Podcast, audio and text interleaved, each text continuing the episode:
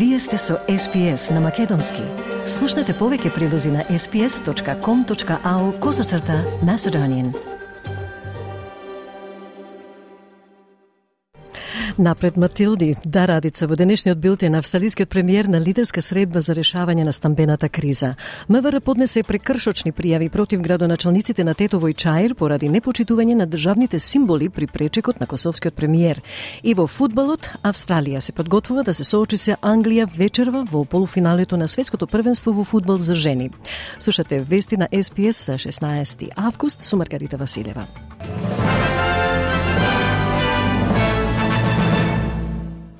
Премиерот Антони Албанези ќе се сретне со лидерите на државите и териториите во националниот кабинет денес во обид да се справи со кризата со достапност на станови во Австралија. Австралиските синдикати на станари повикуваат на итна реформа за изнајмување, вклучително и крај на иселувањето без причина, правични ограничувања за зголемување на киријата, минимални стандарди за изнајмување и поголема заштита на приватноста.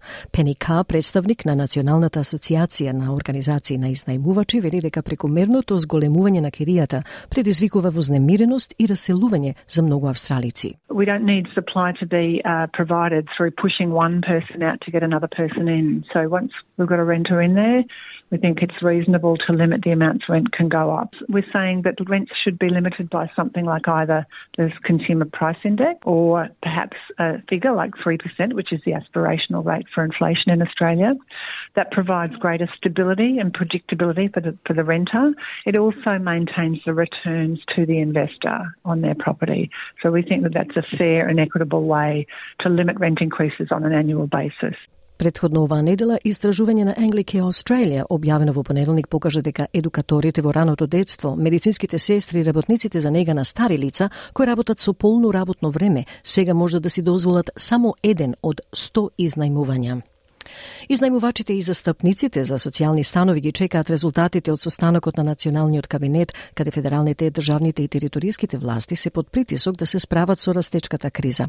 Премиерот Антони Албанези денеска во Бризбен ќе даде посебен акцент на блокираниот стамбен фонд од повеќе милиарди долари на неговата влада. Прашањата за изнајмувачите не беа доволно адресирани од коалицијата и зелените, кои во Сенатот го блокираа фондот за домување од 10 милиарди долари.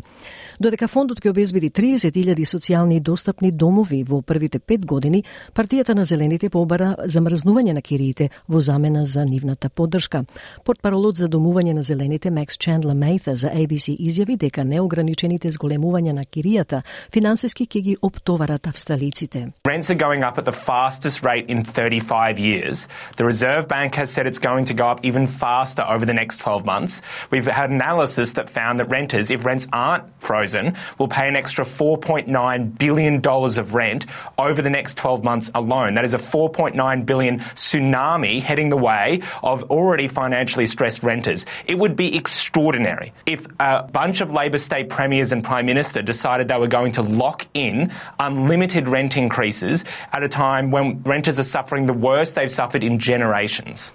Федералните, државните и териториските влади одобрија два национални планови за поддршка на напорите за намалување на стапките на насилство врз жените и децата. За прв пат, акцијскиот план вклучува цели за ставање крај на насилството, вклучително и намалување за 25% на бројот на жени жртви на убиство од интимен партнер секоја година. Наменскиот акционен план за абориджините и островјаните на Торрес Стрейт поставува стратегија за намалување и евентуално елиминирање на високата стапка на семено и сексуално насилство во домородните заедници. Тоа е првиот специализиран план кој признава дека основните причини за насилство во заедниците на првите нации се разликуваат од оние кај недомородните австралици и е дизајниран во соработка со советодавните групи на домородните луѓе. Palliative Care Australia и Dementia Australia објавија серија препораки за обезбедување подобар квалитет на грижа за пациентите со деменција. Заедничката изјава дава девет препораки, вклучително и задолжителна едукација за деменција и палиативна нега за сите здравствени работници и работници вклучени во обезбедувањето грижа за луѓето кои живеат со деменција. Australian Institute of Health and Welfare предвидува бројот на луѓе со деменција во Австралија да се удвои од сегашните проценки од 400.000 на повеќе од 800.000 до 2058 година. Главниот извршен директор на Palliative Care Australia, Камила Роланд, вели има надежи дека препораките ќе ги подобрат услугите за негователите и семејствата кои често се под голем стрес во поддршката на некој близок со оваа болест. Look, we would really like to see the cognitive needs of people looked at uh, more closely as well as their physical needs. For carers and family, it's often quite a long journey. It's, it's really something that takes the whole family to support that situation and to help support that person through their illness. Повести од Македонија, прекршочни постапки за Билал Касами, Висар Ганију и општините со кои раководат се сомничат дека за време на посетата на косовскиот премиер Албин Курти на Чаери Тетово не го испочитувале законот за употреба на грбот, знамето и химната на Македонија. Се уште трае и потрагата по лицето кое на собирот во Тетово го вееше знамето со картата на голема Албанија. Од МВР велат дека не е постапено согласно законот за употреба на македонскиот грб, македонското знаме и македонската химна и дека за време на манифестациите организирани по тој повод не е интонирана македонската државна химна и не е поставено македонското државно знаме, со што е сторен прекршок по член 30 од истиот закон. Градоначалникот на Чаер Висар Ганију потврди дека бил повикан на информативен разговор во полициската станица Битпазар и смета дека пријавите се резултат на политичко влијание. Ганију изјави, цитат, можете да ги видите изјавите и да разберете дека целата држава е вклучена во оваа работа, од министерот за надворешни работи Бујар Османи до премиерот Ковачевски, председателот на државата, председателот на Србија Вучич. Со други зборови сите беа на иста страна дека посетата на Курти беше проблем за Македонија, затворен цитат. Председател Председателот на БЕСА и градоначалник на Тетово Билал Касами ги обвини првите луѓе на ДУИ и Алијанса за албанците дека со овој потек сакаат да го заплашат и да му испратат порека. Касами изјави, цитат, комунизмот не е мртов, тој е жив и го одржуваат во живот владата заедно со Али Ахмети и Таравари. Времето на заплашување на албанците, нивно апсење и носење во озлогласени полициски станици е мртво, заедно со тоа наскоро ќе умре и овој ваш комунистички режим, затворен цитат изјави сами. А откако Албин Курти порача дека собирите во Чаери Тетово не биле насочени против никого и дека на Македонија гледа како на сојузник, се огласи и председателката Виоса Османи. Таа тврди дека реакциите во Македонија по настаните во Чаери Тетово се резултат на недоразбирање кој очекува за брзо време да се надмине. mineb. Кампањата не е која се спротивставува на домородниот глас до парламентот на предстојниот референдум се соочува со притисок да открие детали за двајца доброволци кои беа отпуштени поради изразување расистички ставови. Водечкиот активист на кампањата не потврди дека ги сврли луѓето од кампањата поради фаната, фанатистички коментари. Тоа следува по други откритија дека еден од водечките застапници на кампањата не објавил расистички пораки на социјалните мрежи во врска со домородните луѓе од висок профил. Дейвид Адла, член на Советот давниот одбор на конзервативната лоби група Advance, го доведе во прашање домородниот идентитет на Лидија Thorpe и Стан Грант во неколку навредливи објави. Господинот Мандин одби да ги именува отпуштените волонтери, но тој за радиото ABC изјави дека едноставно одбил да ги трпи навредливите коментари на двете лица. They're not prominent people.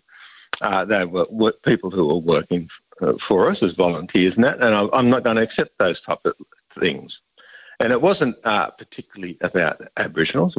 One was a, very anti-Semitic comment, and I'm not going to I'm not going to wear that crap.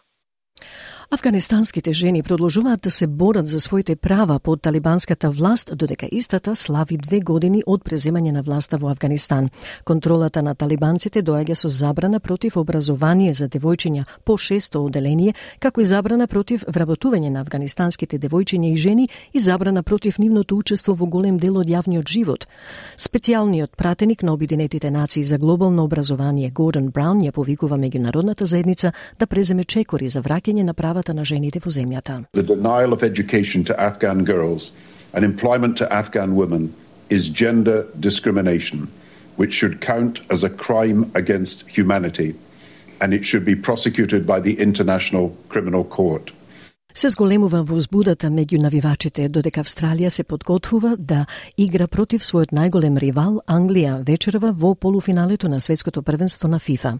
Над 80.000 луѓе се очекуваат во распродадениот стадион Stadium Australia вечерва во Гаригал, Сиднеј во 8.30 часот, додека илјадници други ќе се приклучат од локациите во живо низ целата земја. Многумина, вклучувајќи ја и голманката на Матилдас Маккензи Арнолд, сметаат дека ова е најголемиот момент во австралискиот и женскиот спорт. The legacy that we wanted to leave uh, throughout this World Cup um, to inspire the generation coming through, I think um, we've done more than that. I think we've done more than what we thought that we would accomplish. Um, obviously, we're not done yet, but um, just again to see the reaction um, that we've received from the whole country has been absolutely unreal, and I think this is only the beginning.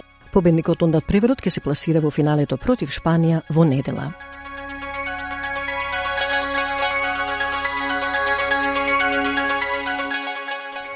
И од најновата курсна листа денеска еден австралиски долар се менува за 0,59 евра, 0,64 американски долари и 36,15 македонски денари, додека еден американски долар се менува за 55,76 македонски денари, а еврото за 60,92 македонски денари.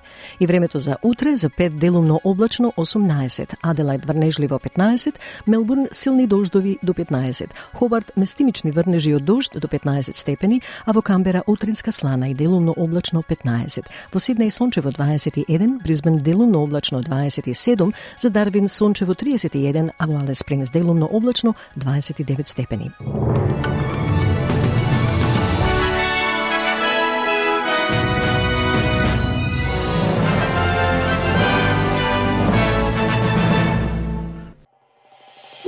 Сакате ли да чуете повеќе прилози како овој? Слушате подкаст преку Apple Podcasts, Google Podcasts, Spotify или од каде и да ги добивате вашите подкасти.